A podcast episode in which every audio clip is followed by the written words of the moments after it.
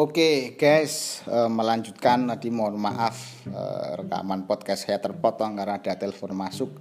Ternyata meskipun nggak diangkat ternyata ikut mati dan terpotong. Nah uh, kembali ke materi tadi melanjutkan bahwasanya apa yang terjadi dengan wanita yang apa memberikan berita bohong tadi itu akhirnya dia ditolak di mana-mana ya kan viral di Twitter, di medsos di mana pun bahkan orang tidak mau e, menerima dia secara tidak langsung dia terusir dari kampung e, tersebut karena menyebarkan atau menuduh sesuatu memfitnah sesuatu yang tidak e, jelas akurasinya atau menyebarkan kabar bohong atau menyampaikan sebuah e, fitnah. Nah, e, itulah apa namanya kira-kira berbagai macam konteks ya, berbagai macam teks ya eh, yang ada di dalam hmm, Al-Qur'an. Selain persoalan akurasi informasi juga, Al-Qur'an juga menekankan pentingnya kredibilitas dari sumber informasi. Ya. Ini dalam suatu eh, ayat ada suatu eh, kalimat yang menyatakan bahwa hai orang-orang yang beriman jika datang kepadamu orang fasik membawa suatu berita atau informasi maka periksalah dengan teliti dalam surat Al-Hujurat tadi itu. Nah, pada surat Al-Hujurat eh, ayat 6 ini mengisyaratkan bahwa orang-orang fasik tidak cukup kredibel sebagai pembawa atau pemberi informasi. Dalam Quran surat An-Nahl ayat 43 Allah Subhanahu wa taala memerintahkan kita untuk bertanya agar mendapatkan informasi. How to get dari orang yang mengetahui atau mem memiliki informasi tersebut. Bunyinya begini nih. Maka bertanyalah kamu kepada orang-orang yang mempunyai pengetahuan atau informasi jika kamu tidak mengetahui. Juga penting ini semua. Jadi yang pertama selain dari apa namanya sumber informasinya kita harus tabayun. Yang kedua kita harus melihat, mengecek kredibilitas dari e, seseorang atau dari yang menyampaikan informasi tersebut kalau orang tersebut terkenal pembohong atau informasi tersebut terkenal bahwa orang ini tidak apa namanya pendusta atau orang-orang fasik tentu kita jangan mempercayainya. Nah, yang ketiga, kemudian eh, kita diminta pula untuk melakukan apa namanya sebuah pertanyaan. Ini penting sekali pepatah kita mengatakan malu bertanya sesat di jalan. Nah, tentu itu juga sebuah perintah ya dari Al-Qur'an bahwasanya kita diminta untuk bertanya kepada orang yang mengetahuinya. Kira-kira misalkan suatu contoh dalam bidang eh, analisis data forensik misalkan, siapa yang mengetahui? Ternyata yang mengetahui ya dokter forensik kan. Tidak mungkin dukun kan itu. Ini kadang orang kelewat, keblinger misalkan ya mohon maaf ada sesuatu kehilangan barang ya kan. Ada yang sering mungkin kita jumpai ya cerita-cerita seperti ini di masyarakat kita. Ada yang kehilangan dompet misalkan. Ya, kehilangan dompet sepanjang jalan Solo. Perginya itu malah ke dukun yang ada di Godean atau perginya ke dukun yang ada di Gunung Kidul, bukan pergi ke kantor polisi di jalan Solo. Artinya ini juga perilaku yang apa namanya salah itu akhirnya hanya menerawang-menerawang dan menerawang-menerawang. Nah, uh, sebaliknya dalam ayat 36 surat Al-Isra Allah Subhanahu wa taala melarang untuk tidak mengikuti sesuatu jika tidak memiliki bekal ilmu atau informasi yang cukup. Begini bunyinya teman-teman semua. Dan janganlah kamu mengikuti apa yang kamu tidak memiliki ilmu pengetahuan tentangnya. Ini juga penting sekali Al-Quran mengajarkan untuk kita agar tidak ikut-ikut sesuatu yang kita tidak mengetahuinya. Bayangkan akhirnya apa namanya orang tidak tahu ikut-ikut kita gabung-gabung dengan organisasi misalkan atau gabung dengan sesuatu eh, gerakan yang kita tidak mengetahuinya. Apa yang terjadi? Tiba-tiba ada mahasiswa yang hilang, kemudian ternyata ditemukan di Kalimantan sebagai penggerak atau sebagai anggota dari Gavatar ya waktu itu ya. Nah, tentu uh, ini menjadi pedoman dan pegangan penting bagi kita bahwasanya jangan sampai kita hanya menjadi orang yang ikut-ikutan tanpa mengetahui sesuatu dasarnya atau sesuatu yang uh, kita memiliki pengetahuan tentang hal itu. Jadi ojo nggur melu-melu tok. Intinya kayak gitu. Nah, dalam konteks eh, kebebasan memperoleh informasi, kedua ayat tersebut merupakan ujung dan pangkal bagaimana sebaiknya publik bersikap untuk memenuhi kebutuhan informasinya. Prasangka sosial dapat muncul sebab kebutuhan publik terhadap kebenaran informasi tidak diperoleh secara layak, resmi dan memadai. Berikut ini sejumlah ayat yang jika ditafsirkan secara kontekstual dapat dijadikan pijakan nas bagi suatu keharusan publik untuk memenuhi haknya memperoleh informasi. Yang pertama surat Al-Maidah ayat 101 yang berbunyi, "Hai orang-orang yang beriman, janganlah kamu menanyakan kepada nabimu hal-hal yang jika diterangkan kepadamu akan menyusahkan kamu." juga penting ini ya. Biasanya orang nanya syaratnya apa, kalau gini-gini pantangannya apa itu dan lain-lain justru akan menyusahkan itu. Kemudian yang kedua Al-Hujarat ayat 11 Hai orang-orang yang beriman Janganlah satu kaum mengolok-olok kamu yang lain Atau kaum yang lain Karena boleh jadi mereka yang diolok lebih baik dari mereka yang mengolok-olok Dan janganlah kamu memanggil mereka dengan gelar-gelar yang buruk alias membullying atau bully. Ini sangat eh, bahaya. Dalam Al-Quran sudah dijelaskan bahwasanya kita tidak boleh melakukan praktek mengolok-olok atau membuli, menghina ya. Jadi suatu kaum atau orang lain eh, di antara eh, kita. Namanya Eko, bagus-bagus panggilannya kodok. Aduh, kasihan banget ya. atau misalkan mohon maaf ada sesuatu yang fisiknya tidak sempurna kemudian dijulukin karena dia pincang misalkan namanya Hendro misalkan ini sebagai contoh dipanggil Hendro pincang kayak gitu. Aduh. Kecuali dalam dunia hiburan ya kalau Bang Haji bolot ya dipanggil bolot padahal namanya bukan bolot ya. Ya konteksnya tentu berbeda ya teman-teman semua ya. Artinya eh, kita tidak boleh melakukan eh, olok-olok terhadap orang orang lain ya gitu. Nah tentu dengan uh, dalam dunia kebebasan berpendapat itu jangan dijadikan alasan untuk kita bisa mengolok-olok atau menghina atau uh, mengejek orang lain gitu ya. Dalil-dalil seputar aturan kebebasan untuk memperoleh informasi di dalam Al-Quran tersebut memang bersifat luas dan general. Namun di sinilah salah satu letak keistimewaan dan rahasia yang terkandung dalam Al-Quran. Tutur peristiwa dalam nas tersebut merupakan reaksi kontekstual dari permasalahan pada zamannya. Namun, kandungan nilainya bersifat abadi untuk seluruh zaman. Nah, ini luar biasanya Al-Qur'an teman-teman semua. Dari dulu sampai sekarang mungkin konteksnya atau zamannya berbeda ya berubah, berubah, tidak sama, tentu tidak sama. Tapi kandungan nilainya tetap selalu relevan ya, selalu bisa kontekstual mengikuti perkembangan zaman.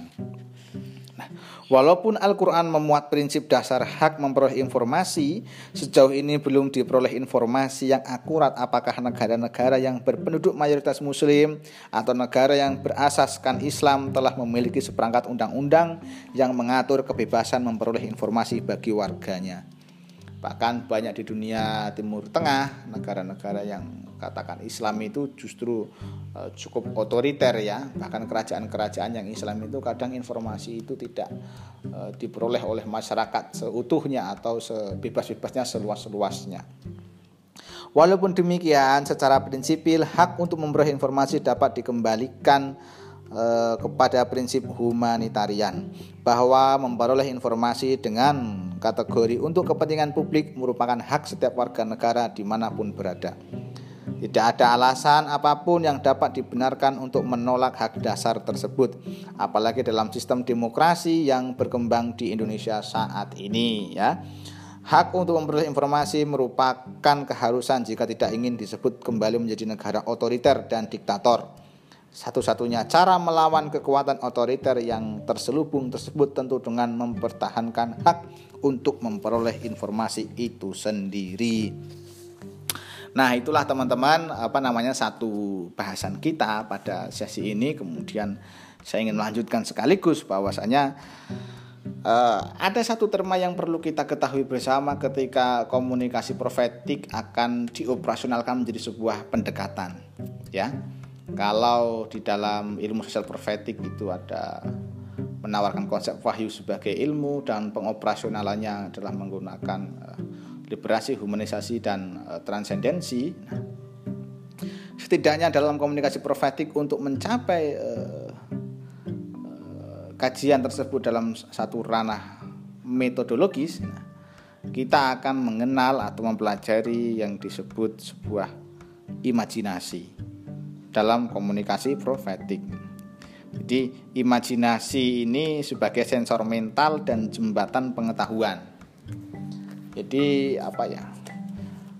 Cara meng, apa, sumber atau background atau latar belakang agar uh, komunikasi profetik menjadi sebuah pendekatan atau sebuah paradigma itu memerlukan suatu uh, pendekatan teoritis untuk me mendekatinya. Nah, kira-kira apa itu uh, yang perlu kita lakukan yaitu adalah memahami bahwa uh, imajinasi itu sebagai suatu hal yang penting atau satu hal yang uh, urgent dalam komunikasi profetik. Nah, coba saya uraikan ya. Jadi begini teman-teman semua. Uh, pada bagian sebelumnya dijelaskan tentang transformasi komunikasi profetik dari nas atau teks yang mengandung nilai profetik kepada konteks komunikasi yang bersifat real. Relasi keduanya mengambil contoh tentang sikap komunikan atau halayak atau umat Islam terhadap konten komunikasi Eh, berupa informasi yang mengandung kabar bohong dan tidak akurat. Relasi yang digambarkan tersebut baru sebatas menggunakan teks atau nas sebagai pedoman dalam berkomunikasi. Relasi tersebut belum diuji kebenarannya secara metodologisnya atau belum mengalami proses teorisasi sehingga belum dapat disebut sebagai sebuah ilmu. Singkatnya, teks atau nas yang mengandung etika komunikasi tersebut belum bertransformasi menjadi ilmu pengetahuan. Hal ini kemudian memunculkan suatu pertanyaan metodologis. Bagaimana metode transformasi teks atau nas yang mengandung etika profetik tersebut dapat menjadi ilmu pengetahuan? Kan gitu. Nah, sebagaimana dijelaskan sebelumnya bahwa ilmu sosial profetik yang digagas oleh Kunto Wijoyo hendak menawarkan wahyu sebagai sumber ilmu pengetahuan. Demikian pula dengan komunikasi profetik. Kandungan etika profetik dalam teks atau nas terlebih dahulu akan ditempatkan sebagai sumber ilmu pengetahuan ya. Sama alurnya. Untuk menjadikannya sebagai ilmu pengetahuan yang memiliki landasan filosofis, metodologis dan sistematis serta teruji dibutuhkan berbagai stimulasi aktif. Nah, imajinasi hendak ditawarkan sebagai kendaraan atau saluran yang dapat digunakan menstimulasi transformasi teks dan interrelasinya dengan konteks sehingga menjadi ilmu pengetahuan. Jika ilmu pengetahuan adalah lautan, wahyu yang termuat dalam teks atau nas merupakan mata air. Nah, agar air yang terkandung dalam mata air dapat bertemu dengan lautan, maka dibutuhkan e, sebuah saluran seperti sungai. Nah, ibarat kata membutuhkan satu penjembatan ya atau satu saluran yang menghubungkan antara e, sumber apa mata air itu dengan e, lautan. Artinya antara wahyu e, teks kemudian dengan ilmu pengetahuan. Nah secara filosofis istilah imajinasi adalah ini artinya ya secara filosofis istilah di apa imajinasi adalah daya untuk membentuk gambaran atau imaji atau konsep mental yang secara tidak langsung diperoleh dari sistem penginderaan. Ini menurut Edward dalam buku T. Joworo ya. Ada dua tokoh penting tentang bagaimana kedudukan imajinasi ini. Yang pertama Plato, yang kedua Aristoteles. Ya, karena masih bersifat filosofis ya. Bagi apa namanya Plato, Imajinasi tidak lebih sebagai imitasi dunia ilahi dalam dunia material. Pada tingkat pengetahuan ini, aktivitas mental berada dalam titik minimal. Plato mengatakan bahwa adanya respon imajinasi merupakan eh, respon pengetahuan yang rendah karena imaji adalah bayangan dari objek sebenarnya. Menurut Plato, imaji sama halnya seperti bayangan diri dalam cermin. Dengan demikian, Plato menempatkan imajinasi pada tingkat paling rendah dalam ilmu pengetahuan. Ya, sedangkan tempat tertinggi adalah rasio atau akal. Alasannya menurut Plato atau bagi Plato hanya akal atau rasio yang dapat mengontem, apa, mengontemplasikan sebuah kebenaran. Berbeda dengan Plato, Aristoteles muridnya menempatkan pemahaman imajinasi sebagai suatu representasi mental ya beda nih dengan Plato pandangan dari Aristoteles ini. Ini guru dan murid tapi selalu berbeda pandangan ya. Tapi kontribusinya buat ilmu pengetahuan sangat luar biasa. Sebagai representasi mental, imajinasi bertugas menjembatani antara sensasi dan rasio. Oleh karenanya, gambaran mental terhadap sesuatu yang diperoleh dari pengalaman atau kehidupan yang bersifat profan dibawa kepada rasio melalui imaji-imaji. Untuk menjelaskan hal tersebut, pemikir abad pertengahan Agustinus membedakan tiga bentuk imaji. Ya. Yang pertama adalah imaji membawa gambaran yang pernah dialami, bersifat empirik khusus tentunya. Kedua, imaji membawa gambaran yang tidak pernah dialami, seperti mitos misalnya. Ketiga, imaji yang membawa gambaran angka, seperti dalam astronomi. Dengan begitu menjadi jelas bahwa istilah imajinasi umumnya diterapkan dalam proses mental, bukan proses visual jasmaniah yang dilakukan seketika itu juga oleh manusia. Namun, kelak akan tampak bahwa proses visual jasmaniah tertentu dapat diimajinasikan meskipun imajinasi tidak sama dengannya. Imajinasi tidak sama dengan ilusi hayalan ataupun fantasi. Ingat ya teman-teman ya. Fantasi lebih dekat sebagai daya untuk membangun sesuatu yang tidak real atau tidak mungkin terjadi. Sedangkan ilusi adalah ide, keyakinan atau kesan yang salah tentang sesuatu. Persepsi atau konsepsi yang keliru akan sesuatu itu namanya ilusi ya. Jika fantasi daya yang menghasilkan hayalan yang tidak real atau mungkin terjadi karena tidak ada objeknya, imajinasi berbeda ya dengan imajinasi. Kalau imajinasi dipahami sebagai daya yang menghasilkan gambaran objek yang sangat mungkin. Nah, dalam pendekatan kebahasaan tentunya di bahasa Inggris itu eh, ada berbagai macam variasi kata yang merujuk tentang pengertian imajinasi. Yang pertama imagery, yang kedua imaginary, dan ketiga imagine.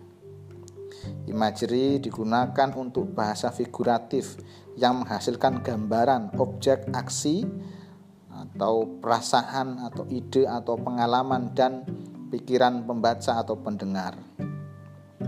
Pada pengertian ini, imajinasi tidak selalu merupakan gambaran mental, dan pada istilah inilah imagery sering digunakan oleh para penyair.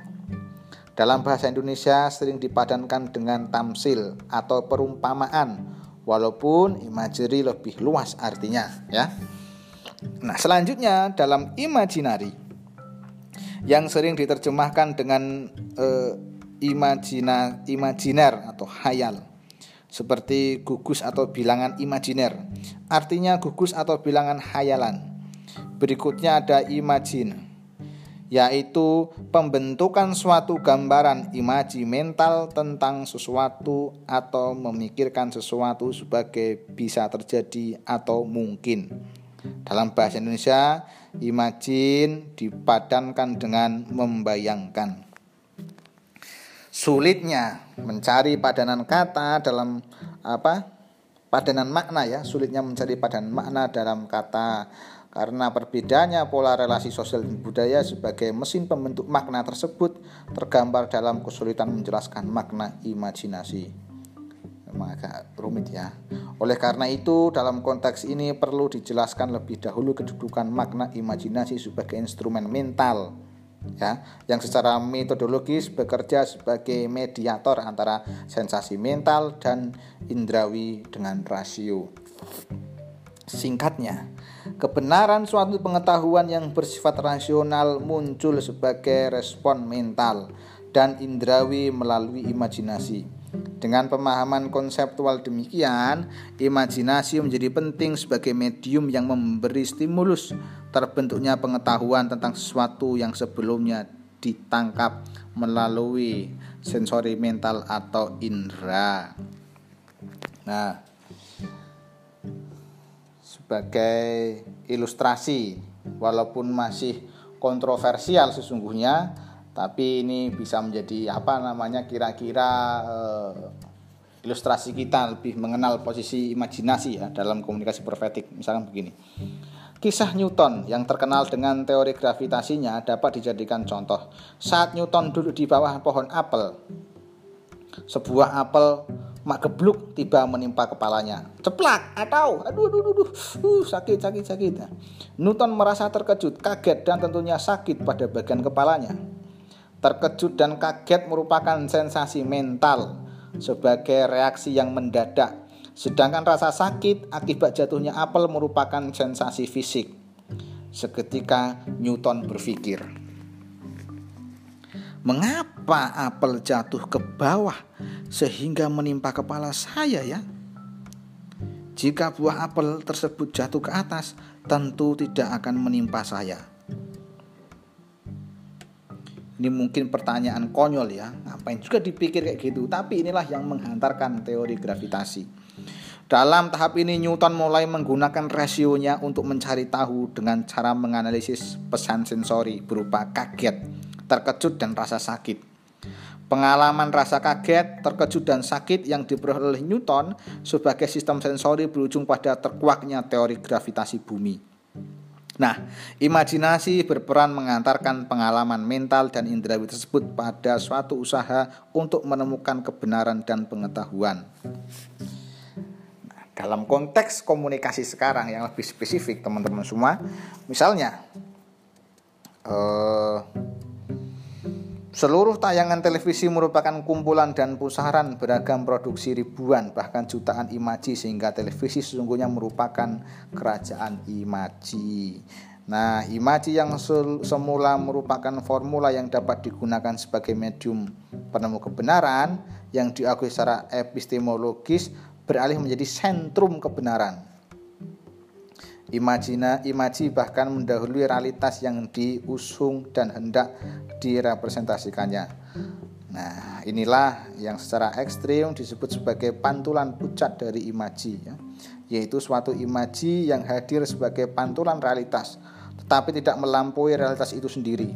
Jika realitas itu merupakan wajah, imaji dapat menstimulasi pantulan wajah tersebut melampaui keberadaan fisiknya sehingga bisa lebih halus atau kasar dalam bahasa kritis ya, Baudrillard menjelaskannya sebagai hyperreality atau stimulation simulasi ya.